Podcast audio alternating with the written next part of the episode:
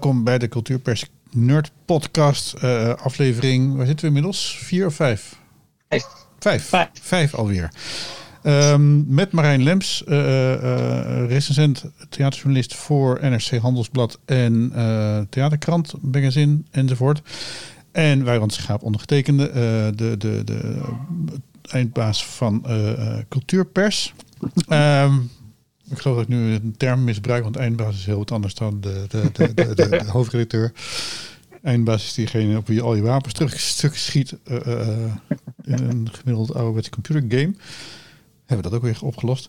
Um, we zijn, we zijn, we zijn, we zijn lekker op weg met deze podcast. We, zeggen, we zijn nog niet op het niveau van Obama en Bruce Springsteen. Um, die uh, inmiddels hebben dat die een achtdelige podcastserie hebben gemaakt waar, waar een paar miljoen mensen naar luisteren. Maar als je het zeg maar vergelijkt binnen de kaders van, van, van waar andere podcasts van, van volslagen onbekende types zoals wij uh, toeleiden, dan zitten we echt heel erg goed. Ik ga geen precieze aantal noemen, maar uh, het zit een heel aardig theatertje vol. Inmiddels qua luisteraars. Dus dat is fijn. Zelfs omdat we niet op Clubhouse zitten, want je hebt natuurlijk Mac, maar ik heb, je hebt natuurlijk een iPhone nog niet. Heb je Android? Uh, ik heb een Android. Oh, dus je hebt ook geen Clubhouse. Ja, nee, dat bedoel ik. Nee, Clubhouse is een nieuwe, is een nieuwe uh, ding wat gebeurt op het gebied van audio. Uh, heb je wel van gehoord? Of, Ja, alleen ik heb het nog niet uitgezocht wat het precies is. Maar is er ook niet een Android-versie van? Nee, is nog het, niet. exclusief nee, nee, het voor is, de, ze houden nu exclusief voor, de, voor, de, voor, de, voor Apple. En, en pas als, als iedereen erop zit, dan gaan ze. Oh ja, ik zie, ik zie nu dat ze dat ze zeggen dat ze beginnen aan het werken aan een Android-app op dit moment. Ja. Gisteren, een artikel van gisteren. Ja. Kijk, dat bedoel ik. Ja. Dus wij zitten gewoon een ouderwets podcast. Die kan je ook gewoon terugluisteren later en, en, en bewaren voor het nageslacht en zo. Dat was ik goed. Ja. Um, had, had, jij nog nieuws van de afgelopen week? Even tussendoor. In de... Uh, even kijken. Um, uh, je overvalt me een beetje. Ja, dat doe ik uh, Even kijken, ja, het is, het is, het is uh, nee, niet echt volgens mij. Ik ben, ik ben dus zelf naar die voorstelling van Lara van Doorwel geweest vorige week, vlak na onze podcast die we toen hebben opgenomen. dus, maar daar gaan we het volgende week over hebben, als Lara ja. zelf bij ons in de studio hopelijk is. Um, en verder uh, ja, ben ik, uh, heb ik een aantal streamvoorstellingen weer gezien van op Maastricht afgelopen zaterdag en de week daarvoor van het Nut. Dat was ook wel interessant. Uh, die van het Nut was met name interessant van hoe, hoe, de, hoe de wetenschap en het theater daarin bij elkaar werd gebracht en wat dat, wat dat opleverde.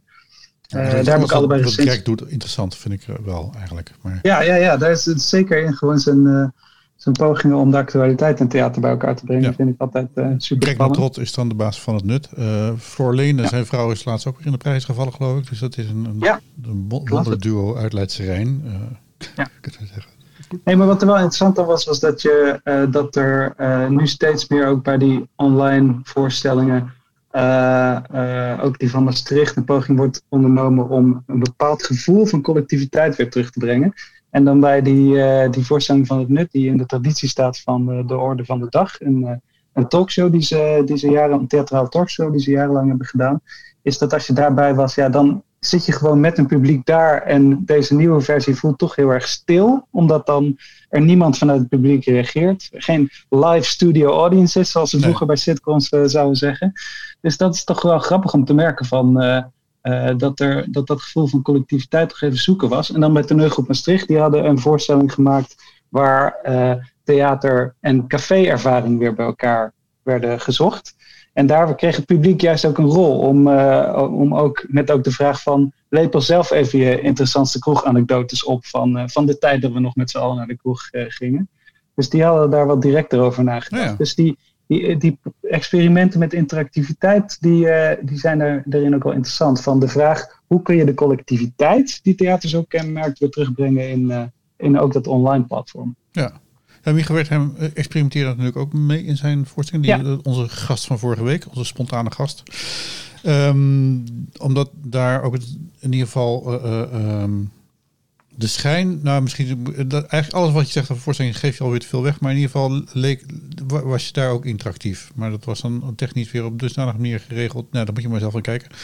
Ja. Maar dat, dat, uh, uh, dat je een enorm gevoel van collectiviteit kreeg, wat uiteindelijk nou, dan toch weer heel anders uitpakte. Dat is wel een, een mooie verrassing erbij. Uh, we gaan het vandaag hebben over de toekomst. Lijkt me een heel aardig. Uh, gewoon, het nu heel fijn zijn als er nu een tuentje in zou komen met, met een, een, een leuk koortje zeggen de toekomst. Kortom, dus een oproep aan lezers uh, um, of, of, of er misschien iemand bij is die een leuke tune weet voor, voor ons om te maken. Dat er nog een soort, uh, nou ja, je, je hebt die tune van Teun en Gijs die heel lullig is. Die wordt door, door de kinderen van Gijs Groenteman gemaakt volgens mij. Ik heb hier ook wel spullen staan, maar ik vertrouw mijn zangstem niet zo. Um, dus nou, als, als er iemand is die, die een leuk idee heeft voor een leuke tune hierbij, ja. dan, dan uh, we gaan zeker nog drie afleveringen door. Want we hebben al gasten voor, uh, voor drie afleveringen. Dat kon allemaal niet omdat ja. het nu voorjaarsvakantie is. Iedereen zit thuis, maar het is dan toch voorjaarsvakantie. dat, doen mensen toch weer meer dingen dan, dan, dan, dan je denkt. Um, de toekomst. Marijn, uh, jij, jij, jij, kwam op de proppen met Milo Rauw. En dan ja. moet ik misschien eventjes uitleggen voor die mensen die niet... Leg uit wie Milo Rauw is. Ja, Milo Rauw is een internationale kunstenaar die, uh, de, uh, ik geloof iets van vier jaar geleden is aangetreden als artistiek leider van NT Gent. Een van de grote stadstheaters in België. en daar ophef veroorzaakte door een manifest dat hij heeft samengesteld, waarin hij een tiental punten opstelde waarvan hij vond dat het theater dat in zijn gezelschap werd gemaakt aan moest worden voldaan. En voordat hij aantrad als artistiek leider van Integent, uh, was hij ook al opgevallen door uh, voorstellingen over bijvoorbeeld uh, de genocide in Rwanda. met zijn gezelschap Inst International Institute for Political Murder maakte hij een aantal voorstellingen die gevoelige thema's, gevoelige thema's in de actualiteit aansneed. Veel al te maken met, met genocide of met rechtsextremisme. Hij heeft een voorstelling gemaakt gebaseerd op het manifest van, An, uh, van Anders Breivik bijvoorbeeld, waarin dat eigenlijk integraal werd voorgelezen. Uh, en laatst ook een voorstelling over uh, de, dood van, het, de dood van Nicolae Ceausescu. en gaat dus vaak naar gebieden toe om daar theater te maken over de thema's die daar spelen. en dat manifest dat levert veel ophef op, omdat het dus bijvoorbeeld als een van de eisen stelt dat theater niet dan doel moet hebben om de wereld te beschrijven, maar de wereld te veranderen. Dus uh, uh, daar ontstond toen natuurlijk een heel gesprek over van dat kunstenaars vonden van nee, je moet als kunstenaars juist niet de wereld willen veranderen. Je moet daar enige afstand van houden. Nou ja, dat klassieke gesprek tussen ofwel activistisch theater ofwel theater dat enige afstand tot de werkelijkheid houdt. Uh, en hij heeft uh, vorige week is een interview gepubliceerd met hem in uh, Recto Verso, waarin hij ook iets zei over de rol van critici en over dat hij graag zou zien dat critici veel meer binnen productieprocessen worden uitgenodigd als integraal onderdeel van het creatieproces en dat dat gesprek veel meer moet plaatsvinden in plaats van dat het de klassieke verdeling is van dat een theatermaker maakt en een criticus dat achteraf bespreekt en never the twain shall meet. Uh, zullen we maar zeggen. Mm -hmm. uh, dus dat vond ik ook interessant om te bespreken. Naast dat hij in dat interview heel veel dingen zegt over hoe hij denkt dat uh, het theater van de toekomst eruit ziet met het oog op wat de coronacrisis nu allemaal verandert. En met de idealen die hij sowieso ook met zijn theater over gaat. Jo, jouw beschrijving van Milo Rauw, die triggerde voor mij een hoop dingen. Uh, dus waar we het allemaal hopelijk uh, over gaan hebben de komende tijd. Ik, ja. komende, nou, misschien nog wel de komende tijd, want het zijn er allemaal zaken. Um, ik vond, ik, eigenlijk het eerste punt vond ik ook wel grappig, want dat, dat zo'n zo, zo opmerking als van theater moet de wereld veranderen. Um, vond ik echt wel grappig. Dat, dat triggerde toen mij weer een anekdote, maar dat... Uh, misschien dat ik de leeftijd van de anekdotes heb bereikt, maar ik, ik weet nou nog bij, bij uh, mijn eer, ik, ik heb ooit gesolliciteerd samen met Ronald Okhuizen voor de post van recensent bij de Volkskrant. Dat was in 1994, ah. 95. Ronald werd aangenomen en was direct daarna filmmedewerker en daarna naar het Parool vertrokken. Um, dat, uh, ik, werd afgewezen door Michael Zeeman, God hebben zijn ziel. Om de, mede omdat ik in een recensie had geschreven, een proefrecensie van uh, voorstelling van Johan Simons, M is monoloog muziek en moord. Dat was een, dat ik als een ander mens uit de voorstelling kwam, zoiets. Was, dus dat de wereld er anders uitzag toen oh. de voorstelling uitkwam. En hij vond dat echt zo'n grote onzin. Dat, ik, dat, dat dat anders was. En uh, oh. weer van enzovoort. Dus nou, uh, dat was echt zo'n. Dat was een heel naar gesprek eigenlijk destijds. Goed, maar daarna. En was dat, ging, hem dat, ging hem dat dan omdat hij vond dat, dat je daarmee je objectiviteit was verloren of zo? Of, nee, geen idee. hij, hij, vond dat het niet kunnen. je bent niet anders. Je bent gewoon op dezelfde die naar buiten loopt en je bent gewoon een voorstelling geweest. Zoiets. Ah, nou, strikt formeel gesproken heeft, had hij natuurlijk gelijk. en, en, over de doden sowieso niks dan goed. Maar uh, met dezelfde recensie werd ik overigens wel aangenomen bij het AD. Die kort daarna ook een nieuwe recensent zochten. Dus dat is, dat is een beetje story of my life. Uh, dus, ja, de, de, de, het, het plebs vond het wel goed om zo te zeggen. Nee, goed, maar dat, is ook niet waar. Het waren toen hele, hele, hele goede mensen, nog steeds wel, die daar werken. Nou, enzovoort. Um, maar dat, dat idee van, van uh, stelt hele zwaar, zware eisen aan, ja. uh, aan zichzelf, bovenal. Uh, maar vindt dat ook een ander. En andere mensen voelen zich daar lichtelijk door bedreigd. Ja, ja. en ik denk dat hij hier bedoelt, uh, is niet zozeer dat, uh, dat puur de voorstelling zelf, dus het eindproduct, de wereld moet veranderen. Dus je gaat er naartoe en daarna kijk je anders tegen de wereld aan. Of daarna gaan politici anders handelen bijvoorbeeld. Want dat is inderdaad een hele hoge eis. Maar wat hij in zijn werk vaak doet is dus bij het creatieproces al stakeholders in de thema's die hij die, uh, die aansnijdt betrekken. Goed voorbeeld daarvan uh, was de Moscow Trials, een voorstelling die hij heeft gemaakt uh, naar aanleiding van de Pussy Riot controverse, waarin dat proces tegen hen eigenlijk in drie dagen werd nagespeeld door uh, met echte uh, voor- en tegenstanders van Pussy Riot in de Russische context zelf. En dan dus een nieuwe uitspraak doen aan het eind daarvan, waarbij dan ook echt de rechters zijn betrokken. Nou, er zijn een aantal voorbeelden van dat soort projecten. en daarmee is het dus zo dat die inderdaad dus de mensen die met de thema's te maken hebben in de maatschappij zelf een theatervoorstelling maken en daarmee de wereld hoopt te veranderen. Dus in de zin van doordat mensen via kunst, via zijn kunstproces, en met name dat proces en die samenwerking is daarin volgens mij belangrijk, op een andere manier naar elkaar of naar de thematiek of naar hun ideologische tegenstanders gaan kijken. Um, dus dat is een, een bepaalde nuance dat het er dus niet om gaat. Je moet een kunstwerk maken dat zo goed is dat een toeschouwer dat kan zien en dan vervolgens uh, activist wordt, maar meer uh, dat, uh, dat door mensen al in het creatieproces te betrekken, dat dat een, een transformatief effect zou kunnen hebben. En, en, en hoe, hoe, werkt dat bij jou? Want ik heb dus, behalve een film vorig jaar bij het theaterfestival, meen ik, of twee jaar geleden alweer, um, over, over, volgens mij was dat Oedipus in Mosul, Mosul geloof ik? Of, um, Orestes in Mosul. Orestes in Mosul, ja. Ja. Dat ik een buitengewoon intrigerende ervaring vond, waarvan ik ook niet direct weet of ik dat nou goed of slecht vond. Maar goed, dat, daar gaan we het nog over hebben, of dat de vraag überhaupt moet zijn.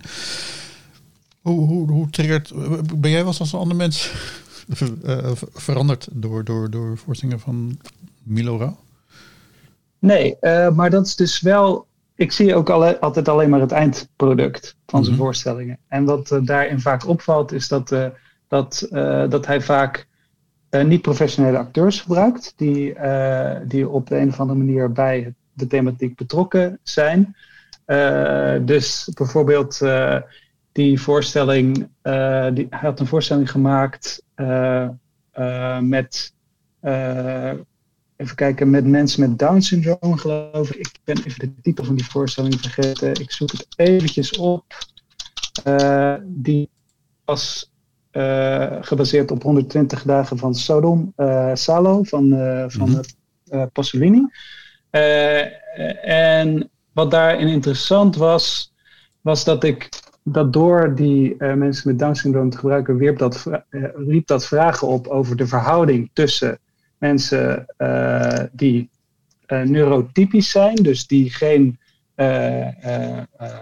ja, het is moeilijk om hier geen uh, uh, moeilijke taalgebruik in te gebruiken, maar die, uh, dat, die term neurotypisch wordt gebruikt voor mensen die niet, niet afwijken van wat we als normaal zien. in, ja. Dus mensen met Down syndroom wijken daarvan af. Um, en over die verhouding ging het heel erg. En hij mixte dan dat verhaal, scènes uit 120 dagen van Sodom, met interviews of eigenlijk ontboezemingen van de acteurs zelf. Eentje had daar bijvoorbeeld uh, zelf voor de keuze gestaan om een, een, kind wel of niet geboren te laten worden. Uh, dat uh, in de baarmoeder al met Down syndroom werd gediagnosticeerd. en daarmee werd dus de vraag opgeroepen van waarom doe je dat wel of waarom doe je dat niet? Waar vinden we dat wijkend van wat we zelf zouden willen? En dat levert dus wel op dat die Down-acteurs daarbij betrokken waren. Maar aan de andere kant ontsnap je dan toch niet aan dat die acteurs met Down-syndroom zelf niet uh, agency krijgen in die voorstelling op een bepaalde manier. Ik, ik ben natuurlijk niet bij het creatieproces geweest, dus ik weet niet welke invloed zij op de scènes hebben gehad. Maar ik behoud toch het gevoel als kijker van dat zij niet op dezelfde manier kunnen hebben bijdragen aan wat op de scène staat. En daarmee blijft er een soort van hiërarchie tussen de makers en professionele, professionele mensen aan de ene kant en niet professionele mensen aan de andere kant, die heel vaak die ik heel vaak in zijn stukken een vraagteken vind. Hmm. Maar over je vraag van ben je er dus ooit veranderd uitgekomen? Nee.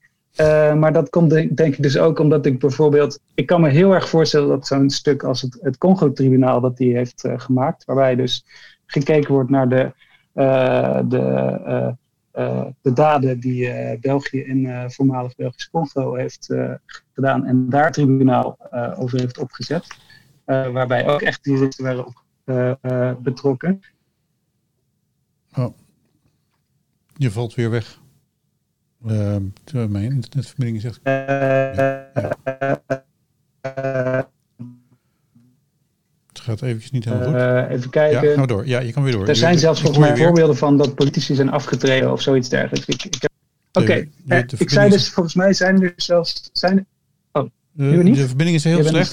Ik ga we eventjes, uh, we moeten eventjes even, even beginnen over het Congo-tribunaal opnieuw. Dan uh, pak ik hem daar weer op.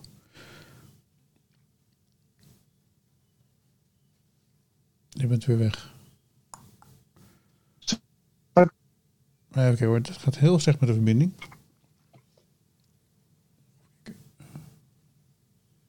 Misschien even het beeld uitzetten sowieso. Ja, nu weer? Uh, ja, uh, het doet weer. Ik zet mijn oh, beeld ook uit.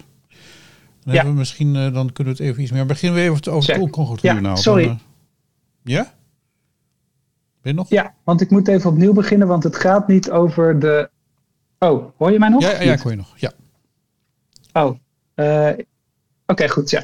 Uh, ik moet even, ook even opnieuw beginnen, want het, uh, die voorstelling gaat helemaal niet over het uh, koloniale verleden, maar over de Congo-oorlog die de afgelopen uh, 20 jaar, 25 jaar daar al speelt, sinds eigenlijk de Rwandese genocide. Mhm. En gaat dus eerder over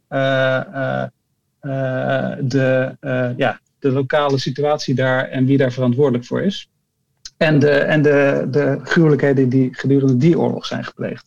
En wat ik daarmee wilde zeggen was, volgens mij is het ook zo. Ik heb die data even niet bij de hand. Maar is het ook zo dat er enkele politici uh, zijn afgetreden vanwege wat er bij dat tribunaal naar boven is gekomen? Dus dan heb je heel duidelijk een voorbeeld van een voorstelling uh, van een theaterproject dat zo dicht bij de werkelijkheid komt dat die de werkelijkheid daadwerkelijk beïnvloedt. Maar ik zelf als kijker uh, bij het eindresultaat van die voorstellingen, voor mij, ik kom daar niet veranderd uit. Maar volgens mij is dat dus ook niet per se het doel van Rauw als die zegt een voorstelling moet de wereld veranderen. Mm de, ik, vind, ik vind het een ambitieuze statement hoor. Van de, de wereld veranderen, zeker gezien uh, zeg maar het, het bereik van, van een voorstelling. Ik bedoel, het is, het is natuurlijk van, zeker in Nederland zit, zit, zit, zit het kabinet niet meer bij de première. Dat is misschien in België nog wel zo, maar in, in Nederland niet. Dus ik bedoel, zelfs daar heb je al geen invloed meer op. Nee.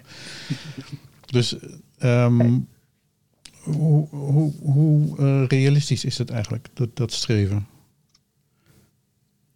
Ja, ik denk dus inderdaad uh, dat dat streven onrealistisch is als het aankomt op een voorstelling maken en dan verwachten dat het publiek dat daar aanwezig is er veranderd uitkomt. Maar wel door zo in te grijpen in de werkelijkheid dat mensen die bij het proces van zo'n voorstelling betrokken zijn, dus al die mensen die getuigen op dat Congo-tribunaal of die als rechter of als advocaat daar aanwezig zijn, dat die wel degelijk invloed kan hebben, omdat er dan ja, echte feiten naar boven komen of echte uh, perspectieven van mensen die ergens bij betrokken zijn geweest, die anders geen platform zouden hebben gekregen.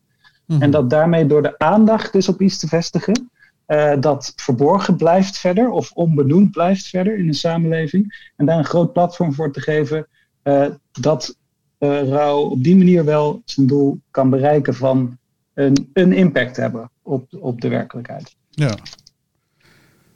Ja, is, is dat dan ook waarom hij, uh, uh, zoals hij in het interview wat jij aanhaalde, wat we misschien waar we wel een link naar zullen opnemen in het artikel wat hierbij komt, um, waarom hij vindt dat critici zeg maar, aan de regietafel moeten zitten? Dus dat zeg maar. Ja, hij is daar niet heel duidelijk over. In. Ja. ja, hij is daar niet heel duidelijk over in, in, de, in, in het interview wat hij daar precies mee bedoelt. Hij wil dus, uh, hij pleit voor een, uh, een kunstkritiek die, uh, sorry, ik moet het even erbij pakken. Een, hij droomt van creatieve, solidaire kritiek die tegenstellingen verdraagt en die tijd neemt om zich een onderwerp te verdiepen zonder zich ermee te vereenzelvigen. En naast dat hij zegt van we moeten critici aan de regietafel en in dat proces uitnodigen, zegt hij ook dat hij het heel erg op prijs stelt dat er in België documentaires en reportages worden gemaakt over voorstellingen van hem die al jaren en jaren spelen, zoals ook het Congo-tribunaal, maar zoals ook Hate Radio, een voorstelling die hij dus over de Rwandese genocide heeft gemaakt. En hij zegt, ja, die in-depth reportages, dus die dan bijvoorbeeld meenemen wat voor impact zo'n voorstelling op de omgeving heeft gehad, of op de toeschouwers heeft gehad, of op de mensen die erbij betrokken zijn, uh, heeft gehad, dat uh, zorgt ervoor dat die voorstelling blijft groeien. En dat is denk ik het soort van uitwisseling dat hij voor ogen heeft. Een criticus uitnodigen in een proces, of, ofwel in, uh, omdat een lopende voorstelling die nog steeds aan verandering onderhevig is, ook een soort proces is. om daar dus kritiek op te geven waar de maker iets mee kan. maar zelf ben ik ook niet zo van dat dat de enige vorm van kritiek moet zijn. Want hij zegt bijvoorbeeld ook. je kan alleen maar op een slechte voorstelling reageren met een. je kan alleen maar een slechte voorstelling bekritiseren door een betere voorstelling te maken. Daar ben ik het natuurlijk volledig mee oneens. Want uh, uh, dat is natuurlijk wat heel veel theatermakers zeggen. Die zeggen, uh, ja, het, het, is nogal ja. makkelijk om, ja, doe het zelf dan. En dat komt voor mij een beetje in die hoek terecht. En ik ben nog steeds wel zelf ervoor dat er ook een soort van juist antagonistische kritiek blijft bestaan. Die er niet alleen op gericht is om de maker te helpen of het proces vooruit te helpen maar die dus buiten de agenda die de maker zelf heeft voor dat werk en naar kan kijken en er kritisch op kan zijn. Ja, ja ik, ik, ik krijg eerlijk gezegd ook een beetje pukkeltjes enerzijds van, van, van zo'n oproep om uh, toch vooral zeg maar, het, aan de kant van de kunstenaar te gaan staan als, als uh, mm -hmm. journalist.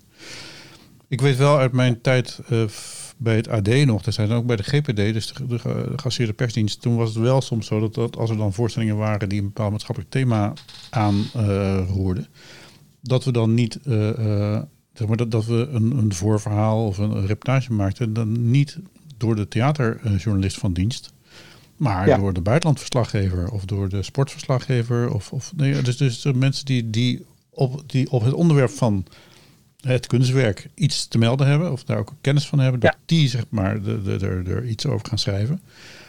En soms tegelijkertijd met een theaterrecent, uh, maar dus dat, dat de recensie, want dat is natuurlijk het verschil van de kritiek en de recensie.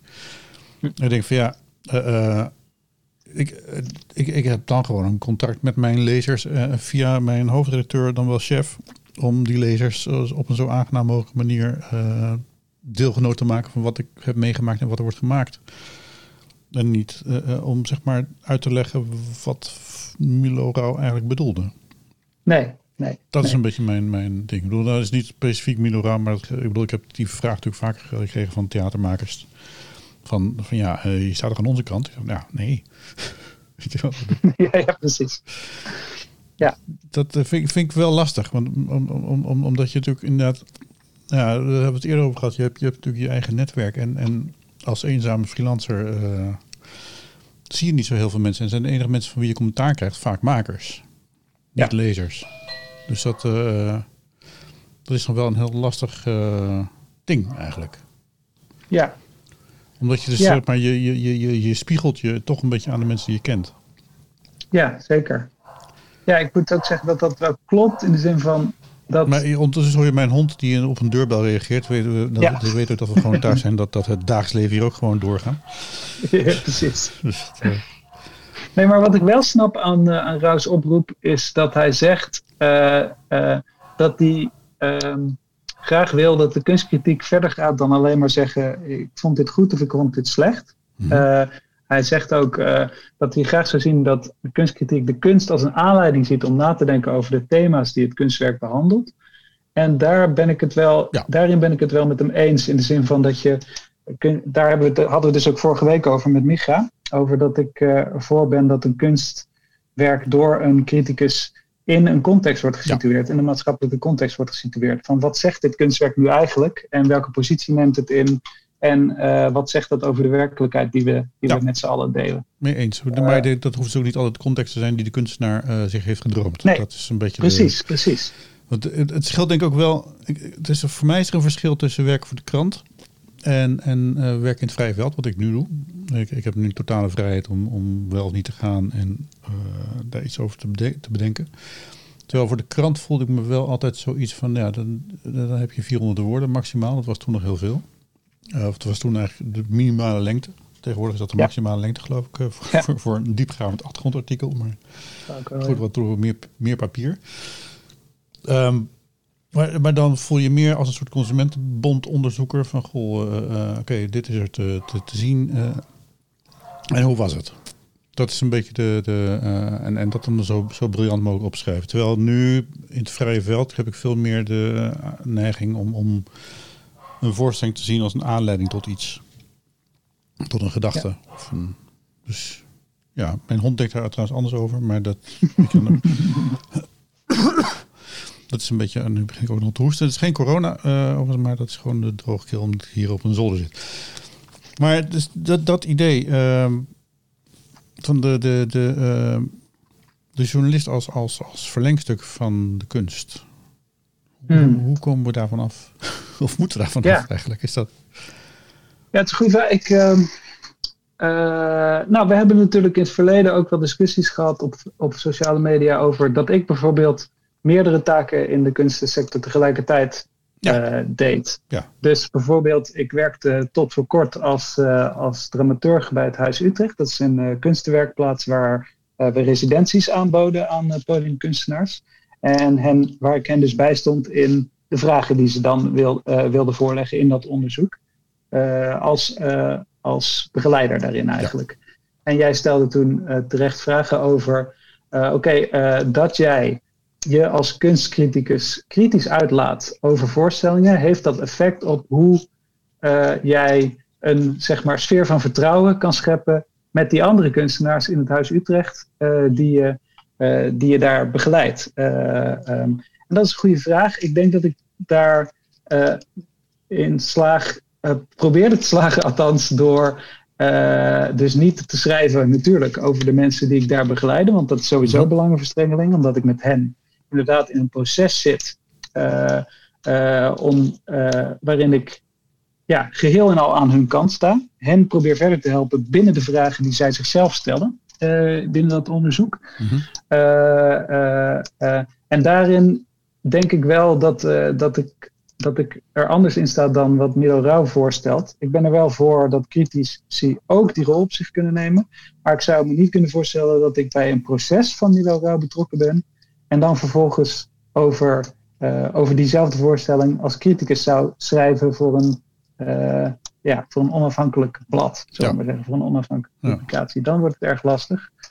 Um, uh, dus die verschillende rollen zou je wel kunnen vervullen, maar dan moet je heel helder zijn over, kijk, transparant zijn over waar je bij betrokken bent en wat je nevenfuncties zijn, denk ik. Zodat ook je daar verantwoording aan jezelf aan, en aan je opdrachtgever kan afleggen, maar ook aan het publiek, die dan zelf kunnen bepalen van, oh ja, vind ik, uh, wat vind ik daarvan? Of vind ik dan ja. dat dit perspectief nog wel ja, genoeg neutraal is of wat dan ook. Ja, ja het, het, ging toen volgens mij ook wel, we hebben het nu over iets van twee, drie jaar geleden, denk ik, dat dat ja. speelde. Um, ja. En het gaat natuurlijk ook om een soort concentratie van macht. Het ja. gaat natuurlijk altijd over macht. Van je, je, je een machtspositie als recensent en je bekleden een machtspositie als dramateur of ook als programmeur. Dat ik van, van zo'n zo'n toch voor jonge makers erg belangrijke plek in Nederland. Zoveel zijn er niet. Ja. Dus dat, dat, dat op een gegeven moment, en dat was dan zeg maar in combinatie met dat je soms best wel gepeperd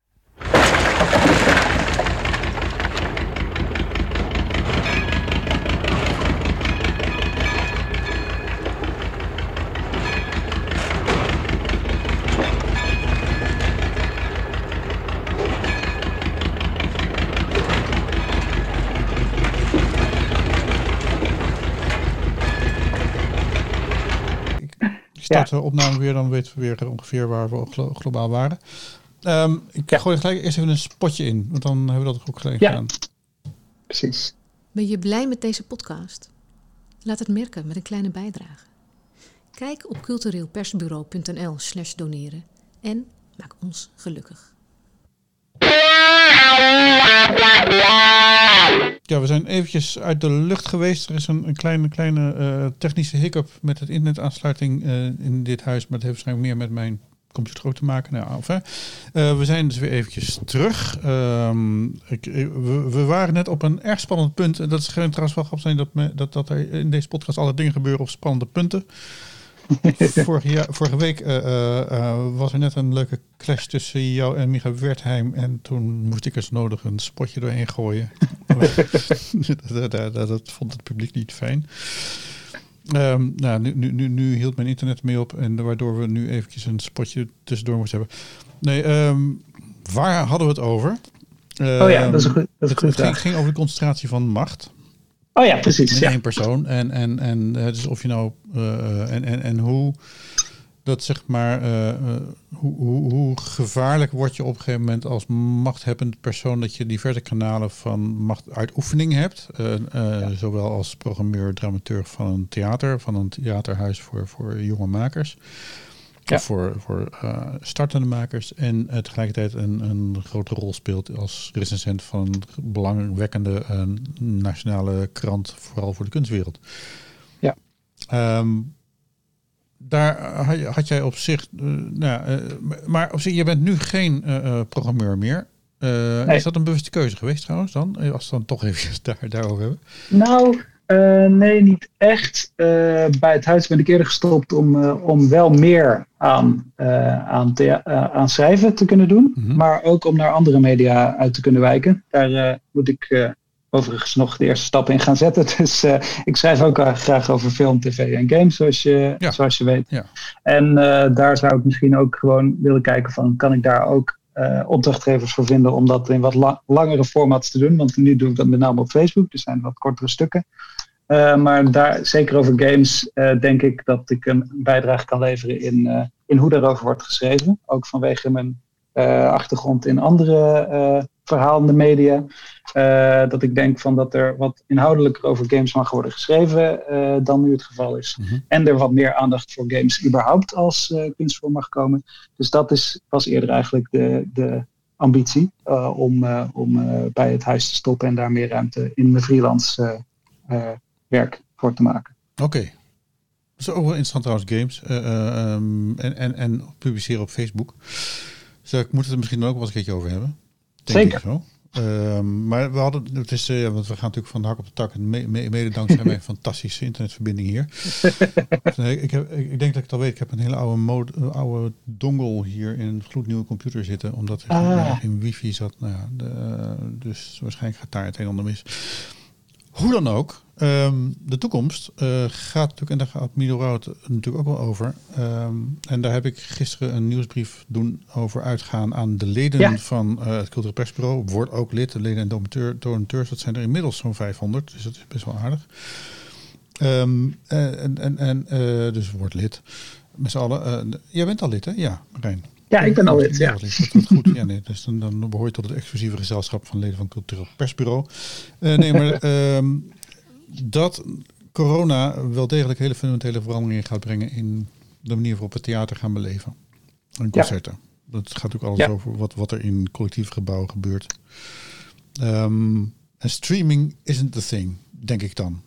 Uh, dat is een leuke toegevoegde waarde, maar niet, uh, de, we gaan niet allemaal streamen, want we bezitten gewoon niet de kwaliteit van een televisiestudio allemaal thuis. Nee.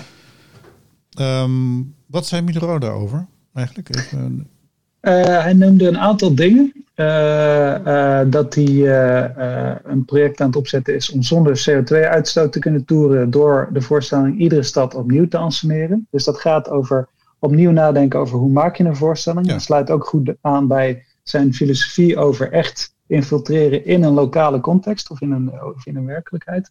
waarbij dus, de, er stonden niet verdere details, maar ik neem dan aan dat hij ook met, in iedere stad met andere acteurs gaat werken. Of in ieder geval met die, met die niet-professionele acteurs die hij in iedere voorstelling wil toevoegen, dat die allemaal dan uit die stad zelf komen. En dat, die dus, dat ze dus gaan kijken van oké, wat resoneert hier op deze plek ten opzichte van deze generale insteek die we voor dit stuk hebben gekozen. Uh, en uh, uh, hij zegt ook, om globaal solidair theater te maken moet je voor langere tijd ter plaatse zijn. Theater is collectief, de kunst van het aanwezig zijn. dus dat denk ik Oh, ben je er nog? Ja, ik ben er nog. Ja, ja, ja sorry. Oh, goed. Ja, ja, sorry. omdat ik dacht van ik wilde uh, internet niet, niet, niet overbelasten. Excuus. Ja, ga door. Ja. Dus hij zegt uh, daarmee dat hij, uh, dat hij daar ook vertrouwen in heeft in, in die manier van werken. En die gaat in tegen, tegen zeg maar het toeren met een affenvoorstelling naar allerlei plekken waar dan het publiek binnenkomt en weer buiten gaat zonder dat daar enige betekenisvolle uitwisseling mee is. Dat theater, dat, dat acht hij als ten dode opgeschreven. Of in ieder geval als theater waar, uh, waarvan hij vindt dat het, dat, het, nou ja, dat het niet zoveel nut heeft en niet zo interessant is.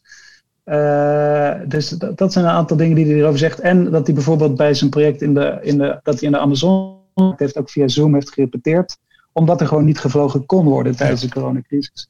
Maar dat zegt natuurlijk ook iets over ja, uh, al dat vliegen dat uh, heel veel gezelschappen doen, zowel om voorstellingen elders te maken als om bestaande voorstellingen te toeren, uh, is dat wel de, de ecologische voetafdruk waard? Ja. moeten we wel blijven willen dat de, de theatergezelschappen van heel de wereld naar Nederland halen om één of tweemalig een voorstelling te spelen en dat ze daarna weer weg zijn? Wat voor, dat heeft nut voor de mensen die daar zijn en die een mooie avond hebben, maar is, het, is het dat waard om, om, om te vliegen en zoveel extra druk op, op de wereld te doen ja. qua CO2-uitstoot? Ja. Dat, dat een, vind ik wel een relevante vraag. Een hele relevante vraag, die natuurlijk door, dankzij corona alleen maar, want je neemt ook nog eens een hoop virus mee, bij spreken. Ja, ja, ja precies. dat, is wel grappig, want ik, ik werk natuurlijk al heel lang samen met het Holland Festival. En daar, mede door mijn principe, maar ook het principe van de, de, het festival zelf, doen we, deden we tot corona alle persreizen per trein. Uh, er waren een aantal journalisten die per se wilden vliegen, ook naar Berlijn of naar Wenen of zo. Maar ik, de, uh, oh, ja. ik vond de trein gewoon echt hartstikke tof. Ja. Ook vanwege CO2 en ook gewoon omdat ik tegen vliegen binnen Europa ben. Ik vind het eigenlijk een grote onzin. Um, ja. Ik heb dus ook toen ook de Nightjet ontdekt, die binnenkort ook van Amsterdam naar Wenen gaat rijden. Nachttrein. Oh, oh. Echt hele luxe nachttreinen zijn, dat heel fijn.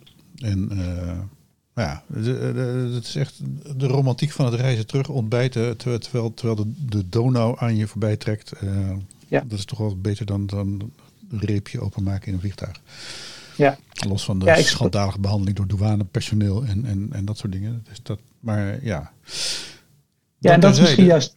De, de, de, de, de, theaterervaring zelf natuurlijk. Van, van, ik denk ook dat, dat het uh, zitten in een theaterzaal met, met zeg maar een halve meter per persoon ruimte. Uh, 3,5 meter. Of dus, ja, dus, dus elleboog en elleboog met mensen en knie aan schouder. Dat dat hm. ook, uh, nou toch in ieder geval de komende twee jaar, totdat iedereen echt driedubbel en dwars gevaccineerd is, niet meer gaat gebeuren. Ja, nee, dat is ook een van Ruis voorstellen. Uh, hij wil nu uh, met Intelligent ook een mobiele speelplek gaan maken. dus hij heeft drie zalen met Intelligent. En de vierde zaal wordt dan een mobiele speelplek, eigenlijk een tent waarmee die, die, die dus gewoon in de openbare ruimte kan opzetten. Waarmee je inderdaad veel meer ruimte voor het publiek kan maken. En ook een, een project waarmee die Griekse tragedies wil gaan spelen, s ochtends. Dus oh niet meer s'avonds, maar in een, op, op een locatie en dan s ochtends. dat vond ik ook heel interessant om na te denken over wanneer nemen we kunst tot ons. Dat is vaak inderdaad nadat we klaar zijn met werken in de avond als we naar het slapen gaan toegaan, in plaats van aan het begin van de dag, waar, wanneer het misschien een impuls kan geven in hoe we naar de wereld kijken, voordat we naar ons werk gaan en voordat we die wereld instappen. Dat vond ik ook wel een heel goed punt. Van uh, daar mag misschien naar gekeken worden. Ik heb een tijdje met mijn vriendin heb ik, uh, het idee gehad om vroeg op te staan, dan een film te kijken voordat we allebei naar ons werk gaan. Uh, zodat we er dan ruimte voor en tijd voor zouden maken. Dat is helaas uiteindelijk gesneuveld omdat we allebei zoveel uitslapen houden. Maar dat was even een periode lang wel echt leuk om te merken van, oh ja, zo s ochtends als je nog zo'n beetje half slaapt en dan in, in de kunst al terechtkomen, dat doet wel iets met hoe je dan vervolgens de wereld weer instapt. Ja, ja, eh, kinderen hebben dat natuurlijk, als ze op school zitten, krijgen ze jeugdtheatervoorstellingen. Ja. Zo rond uh, 9 uur, 10 uur. Uh, ja. Sta, sta, zitten ze in het zaaltje naar, naar kunst te kijken. Dus ja. wij leren dat af. We moeten inderdaad, ja, met al dat soort moeilijke momenten, als wat mijn beruchte moeilijke moment is, is dit half uur na het eten, zo rond. Ik, ik, heb heel veel NOS-journaals slapend doorgebracht, bijvoorbeeld, omdat ik dan gewoon echt vanwege het eten in slaap val. Dan ja. is het niet eens enorm te zuipen of wat dan ook, maar gewoon uh, ja, je verteert je eten. Nou, van niet in details treden, maar de avond is, is inderdaad wel zoiets van, oh ja, s'avonds hebben we nog plek voor vermaak. Ja. Of niet. En dan moet je naar bed, dan moet je treinen, nachttreinen, uh, toestanden. Nou, Precies. Avondkloktheater kan natuurlijk ook heel goed dan. Maar goed, waarschijnlijk zal, zal de avondklok eerder opgegeven zijn dan dat de theaters weer open zijn, vrees ik. Ja. Um, ja. Dat weet ik wel zeker. Maar het, het, het, idee van die gebouwen veranderen. Ik, ik, ik denk ook, nou, dat zei Chris ook, dat je een soort salonachtige toestanden krijgt, als het al binnen gebeurt. En, Maar dat, dat dat hele avondje uitgebeuren uh, toch anders gaat worden, denk ik. Hmm. Ja, Nou, iets wat, uh, wat uh, Rauw ook zei in, in dat interview, waar, waar ik denk ik ook voor vrees, is dat juist bij crisissituaties, dat als die crisissituatie voorbij is, toch een sterke neiging is om weer terug naar het oude te gaan.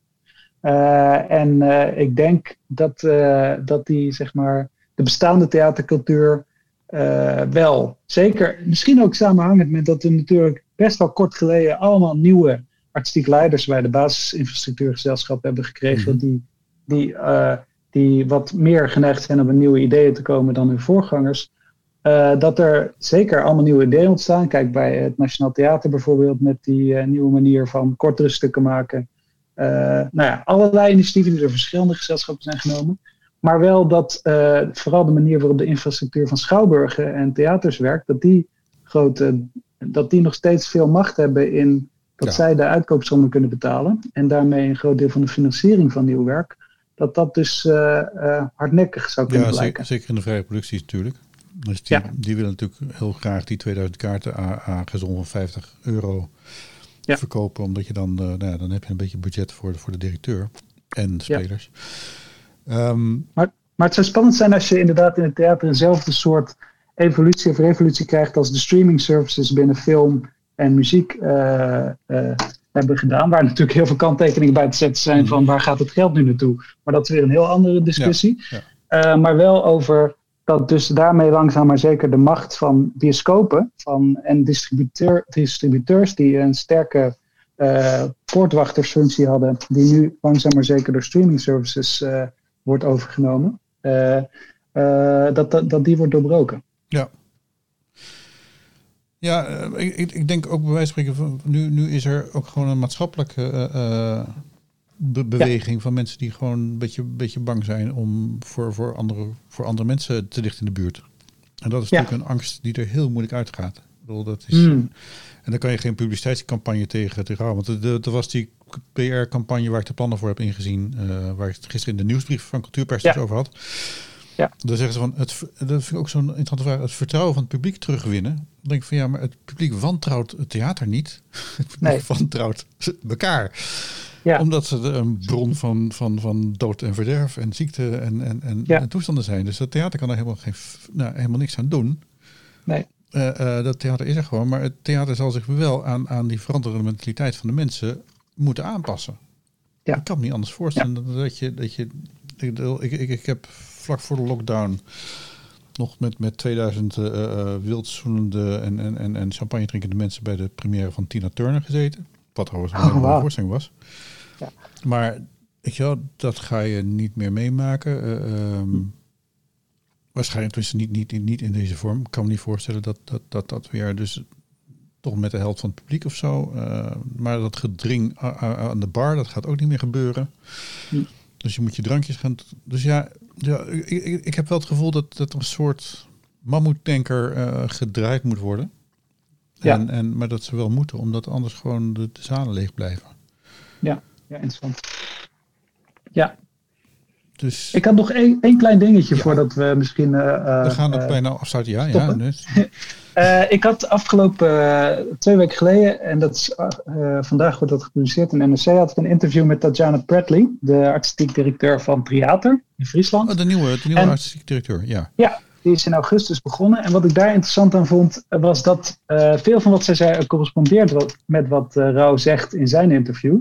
Namelijk dat theater eigenlijk altijd al, uh, ook onder Era Jutkovskaya, die uh, de vorige artistiek directeur was, de neiging heeft om naar de mensen toe te gaan ja, met het ze theater. enorm in buurthuizen en zo. Ja, ja, ja en in, uh, in, op, op voormalige ijsbanen bijvoorbeeld ook. Ze vertelde ja. over dat, omdat die ijsbanen zo ja, open plekken nu zijn geworden, omdat die, uh, omdat die minder worden gebruikt. Uh, en vroeger zo'n gemeenschapsfunctie hadden, dat dat nu de, het idee was om daar te spelen. Maar daarmee dus ook uh, dat ze zei van, door die lokale focus hebben we een heel andere insteek dan bijvoorbeeld gezelschappen als, zij maakt dezelfde vergelijking niet met ITA, dat doe ik nu. Zoals een gezelschap als ITA dat zo op, op een soort van globale afzetmarkt gericht is, daardoor dus heel erg veel reist. Uh, uh, maar dat daarmee het werk dat ze bij theater maken niet minder zegt over de wereld waarin we nu leven, maar dat die lokale focus juist een, ja, een nieuw perspectief geeft. Eigenlijk een soortzelfde ja. perspectief als Milo Rauw nastreeft om te gaan kijken in een gemeenschap van wat speelt hier ja. en, uh, en hoe kunnen we dat tot theater maken. En dat vond ik super interessant, omdat je Ja een verschil denkt, de, denkt dat er grote verschillen zijn tussen een internationaal gericht maker als Milo Rauw en een eerder regionaal gericht uh, gezelschap als theater.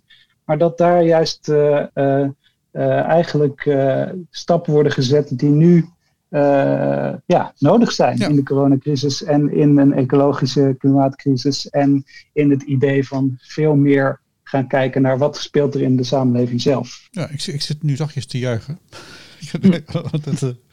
Uh, nou ja, dit vind ik wel heel leuk om te horen. Omdat natuurlijk dat is ook iets waar ik al jaren uh, voor pleit. Mijn kleine zeepkistje bij Cultuurpers. Ja. Om, om, die lokale focus terug te brengen in de kunsten. Dat, dat Ja. gewoon dat dat dat dat. uh, ja, dat is misschien mijn Rotterdamse erfenis hoor. Want ik heb natuurlijk vaak de theatergeschiedenis van Rotterdam beschreven. En dat is heel vaak zo dat, dat theater daar het niet van de grond kwam. Omdat ze het op een Amsterdamse manier probeerden op te zetten. Met acteurs uit Amsterdam. En dan praat ik echt al over de 17e eeuw hè, of de 18e eeuw. Ja. En dat het, wel, en, en dat er, dat er wel een lokale cultuur was in Rotterdam. Maar dat die niet erkend werd door de, eh, door, door, door de mensen die, die zeg maar dan meer in de grote handel zaten. Terwijl ja, wel, Friesland is natuurlijk een goed voorbeeld. Maar goed, Friesland heeft natuurlijk al een heel specifiek eigen cultuur. En die, die Ja. ze ook al heel trots eh, uitdragen. En dat Ja. geldt natuurlijk wat minder voor Enschede, om even wat te zeggen, of, of Apeldoorn. Dus je, ja, dus, dus, dus hoe je dat dan vervolgens doet. Maar ik denk, weet je wel, ik, ik ben er heel voor een, een totale reshuffling van alle budgetten. En dat gewoon, eh, dat, dat steden of regio's een, gewoon te smak geld krijgen eh, van Hm. alles wat buiten de basisinfrastructuur valt. Ja. En eh, gaan we maken of niet? Of, eh, ja, Ja. Een oor merkt dat geld dan wel. Want niet, niet, Ja. Er is nu een hele cursus online gekomen voor gemeenten eh, om te, om te bepalen wat cultuur is waar ze die extra miljoenen in kunnen steken. Ja, Bizar. Daar moet ik nog iets over schrijven. Maar Ja. dat, en je hebt natuurlijk een provincie als Brabant, waar, waar een, een, forum voor democratie met als een bruinheid de, de, de, het hele cultuurbudget overhoop gooit. Omdat ze denken van, joh, dat is Ja. allemaal vrije tijd. En wraak op de boeren en dat soort dingen. Dus, maar weet je wel, het is wel zo, in Friesland hebben de lokale bestuurders een gevoel voor cultuur. Omdat ze dat al jaren doen en dat het dan hun cultuur is. Dus dat moet je ook laten ontstaan. Ja. Dus kijk, als, als ze nou in Brabant maar genoeg ruzie met elkaar maken. die bestuurders er ook maar achterkomen van fuck ja, eh, dat mogen wij dan misschien wel gedacht hebben dat het elitair is. Maar jeetje, de, die, die, die dansclub in Breda houdt die jongens wel van de straat. Ja. Om even iets heel praktisch te zeggen. Eh, Bijvoorbeeld, ja. De Corpo Machina heb ik het nu over. Dat is zo'n groep die, eh, nou, die ook moeilijk in de subsidie ligt daar zo. Omdat ze iets met jongens van de straat doen. En ja, hele mooie Hm. voorstellingen trouwens. Dus ja, on that note. ehm, dus we, eigenlijk hebben we de toekomst wel geregeld, denk je? nou, we hebben een, een aantal mogelijke stappen genoemd, laten we Ja. het zo zeggen. Ja, waar, waar- waarbij wij als pers vooral vrij moeten blijven, toch? Dat is wel, vind ik dan nog wel een... Ja, Nou ja, een beweging, een twee, een beweging twee kanten op lijkt me. Aan de ene kant dus uh, aanwezig zijn, het gesprek met makers wel degelijk meer aangaan. Omdat ik denk dat uh, dat, dat kritische gesprek interessant is beide kanten op. Om meer in te gaan op waar zijn die makers. Ja, um, ja om, dat, om dat gesprek echt te voeren, dat vind ik als criticus ook echt wel belangrijk. Dat het niet alleen maar een statement maken is en dan weglopen, maar dat er daardoor een, een discours of een gesprek of een discussie uit ontstaat. Niet alleen met de maker, maar met zoveel mogelijk mensen die, er, die het stuk hebben gezien of die erin geïnteresseerd zijn. En aan de andere kant wel inderdaad dat, dat kunstkritiek nog aan zich kan blijven bestaan, omdat ik die ook belangrijk vind als iets dat juist apart van de intentie van de maker inderdaad functioneert. Ja. Nou, dit klinkt fantastisch.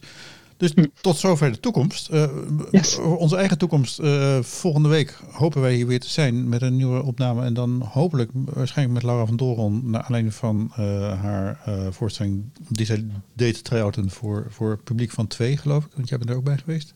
Ja. En waar ik me dan weer nou ja, plaatsvervangend boos over maakte. Omdat ik dacht van ja, hoe gaan we nou inderdaad krantenpagina's vullen met recensies over voorstellingen waar maar twee mensen heen kunnen. En, en uh, hoe, hoe, maatschappelijk relevant zijn we dan eigenlijk nog bezig met z'n allen? Dat is een beetje heel kort docht wat ik dan... Maar dat heeft meer te maken met een soort ergernis van de afgelopen jaar.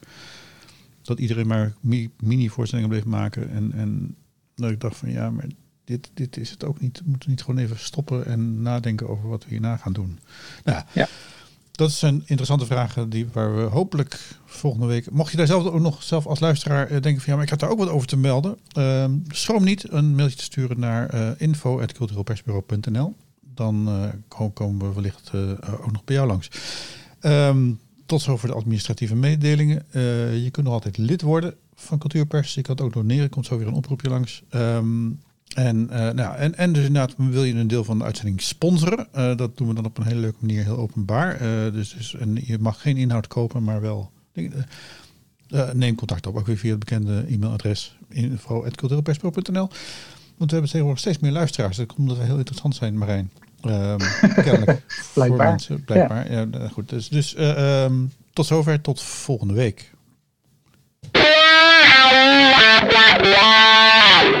Ben je blij met deze podcast? Laat het blijken met een kleine bijdrage.